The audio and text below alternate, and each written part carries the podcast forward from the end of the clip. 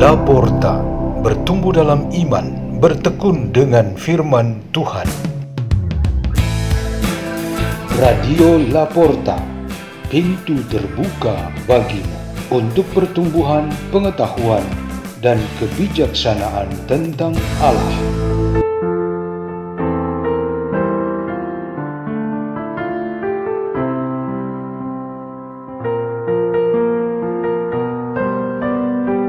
Bacaan dan Renungan Sabda Tuhan Hari Rabu Pekan Biasa keempat 2 Februari tahun 2022 Pesta Yesus dipersembahkan di bait Allah.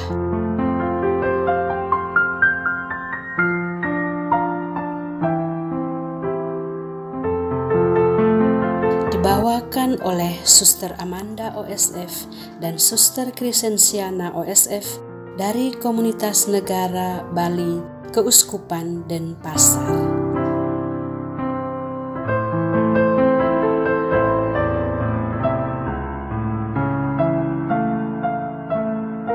Inilah Injil suci menurut Lukas. Ketika genap waktu pentahiran menurut hukum Taurat Musa, Maria dan Yosef membawa anak Yesus ke Yerusalem untuk menyerahkannya kepada Tuhan, seperti ada tertulis dalam hukum Tuhan. Semua anak laki-laki sulung harus dikuduskan bagi Allah. Juga mereka datang untuk mempersembahkan kurban menurut apa yang difirmankan dalam hukum Tuhan, yaitu sepasang burung tekukur atau dua ekor anak burung merpati. Waktu itu adalah di Yerusalem seorang bernama Simeon. Ia seorang yang benar dan saleh hidupnya, yang menantikan penghiburan bagi Israel. Roh Kudus ada di atasnya, dan kepadanya telah dinyatakan oleh Roh Kudus bahwa ia tidak akan mati sebelum ia melihat Mesias, yaitu dia yang diurapi Tuhan. Atas dorongan Roh Kudus, Simeon datang ke Bait Allah. Ketika anak Yesus dibawa masuk oleh orang tuanya untuk melakukan kepadanya apa yang ditentukan hukum Taurat, Simeon menyambut anak itu dan menatangnya sambil memuji Allah, katanya, "Sekarang Tuhan, biarkanlah hambamu ini pergi dalam damai sejahtera sesuai dengan firmanmu, sebab mataku telah melihat keselamatan yang daripadamu, yang telah engkau sediakan di hadapan segala bangsa, yaitu terang yang menjadi penyataan bagi bangsa-bangsa lain dan menjadi kemuliaan bagi umatmu Israel.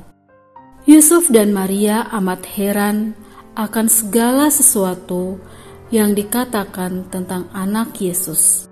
Lalu Simeon memberkati mereka dan berkata kepada Maria, ibu anak itu, "Sesungguhnya anak ini ditentukan untuk menjatuhkan atau membangkitkan banyak orang di Israel, dan untuk menjadi suatu tanda yang menimbulkan perbantahan dan suatu pedang akan menembus jiwamu sendiri, supaya menjadi nyata pikiran hati banyak orang.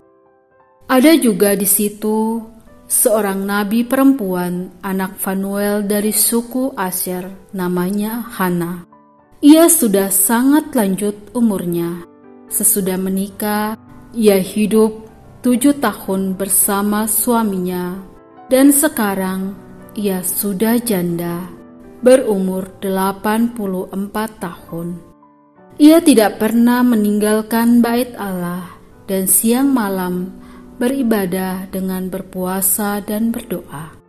Pada saat anak Yesus dipersembahkan di bait Allah, Hana pun datang ke bait Allah dan bersyukur kepada Allah serta berbicara tentang anak Yesus kepada semua orang yang menantikan kelepasan untuk Yerusalem. Setelah menyelesaikan semua yang harus dilakukan menurut hukum Tuhan, kembalilah Maria dan Yusuf serta anak Yesus ke kota kediamannya, yaitu kota Nazaret di Galilea. Anak itu bertambah besar dan menjadi kuat, penuh hikmat dan kasih karunia Allah ada padanya. Demikianlah sabda Tuhan.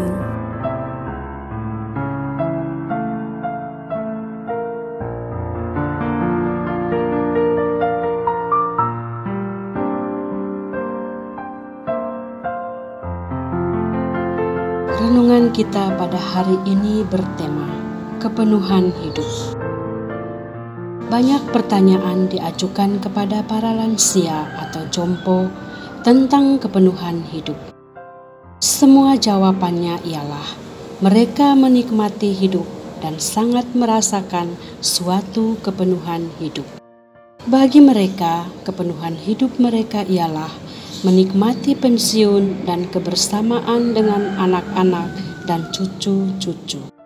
Yang penting kebutuhan dasar terpenuhi dan hidup dalam kebersamaan terjamin. Para orang tua sudah merasa bahagia dalam hidupnya di dunia. Namun demikian, ada sesuatu yang lain perlu ditambahkan untuk suatu kepenuhan hidup. Tidak hanya untuk para lansia dan jompo, tetapi juga untuk setiap orang beriman. Kepenuhan hidup adalah suatu pengalaman kebahagiaan di mana baik jasmani maupun rohani memberikan kontribusi yang sama dalam kehidupan yang bermakna. Injil pada hari ini berkisah tentang dua orang tua, Simeon dan Hana, yang menyatakan bahwa kebahagiaan puncak hidup mereka ialah ketika bertemu dengan Tuhan. Bagian ini adalah hal yang melengkapi kepenuhan hidup para lansia dan jompo tadi. Demikian juga kita semua. Ada orang mengatakan bahwa hidupnya menjadi lengkap dan penuh kalau dapat menikah dengan pasangan yang ideal dan akhirnya mempunyai sepasang anak. Ada orang lain yakin bahwa kepenuhan hidupnya didapat melalui pencapaian gelar pendidikan yang tertinggi. Ada yang lain lagi percaya bahwa kepenuhan hidupnya ialah ketika dapat mencapai usia 80 tahun dan akhirnya menutup usianya dengan tenang dan damai.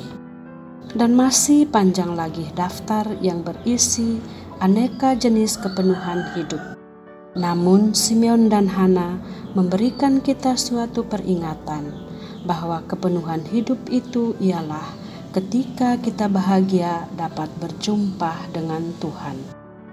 Setiap bentuk pengalaman dan pekerjaan sangat perlu dilengkapi dengan suatu tujuan terakhir, ialah kepenuhan hidup ketika berjumpa dengan Tuhan. Istilah yang lebih khusus untuk ini ialah kekudusan. Simeon dan Hana mengundang kita untuk merayakan pesta persembahan Tuhan di Bait Allah sebagai suatu pengalaman akan kekudusan. Kita masih hidup di dunia, namun kita diminta untuk memperbanyak dan memperluas pengalaman-pengalaman berjumpa dengan Tuhan. Di sana akan tercipta kebahagiaan dan kekudusan dikaruniakan. Tuhan yang kita jumpai ialah Dia ialah yang ada di dalam bait sucinya. Artinya Tuhan yang maha suci. Tidak mungkin ia yang menguduskan kita, tetapi ia kurang suci. Tuhan yang sama memilih untuk menjelma secara radikal untuk menjadi manusia supaya dikenal dan dijumpai oleh kita di dunia, dan akhirnya dapat mengangkat kita sampai kepada tingkat kekudusan yang dikehendakinya dari kita semua. Marilah kita berdoa. Dalam nama Bapa dan Putra dan Roh Kudus. Amin. Ya Allah, penuhilah kami dengan rohmu, sehingga kami dapat bersaksi dengan benar tentang Dikau.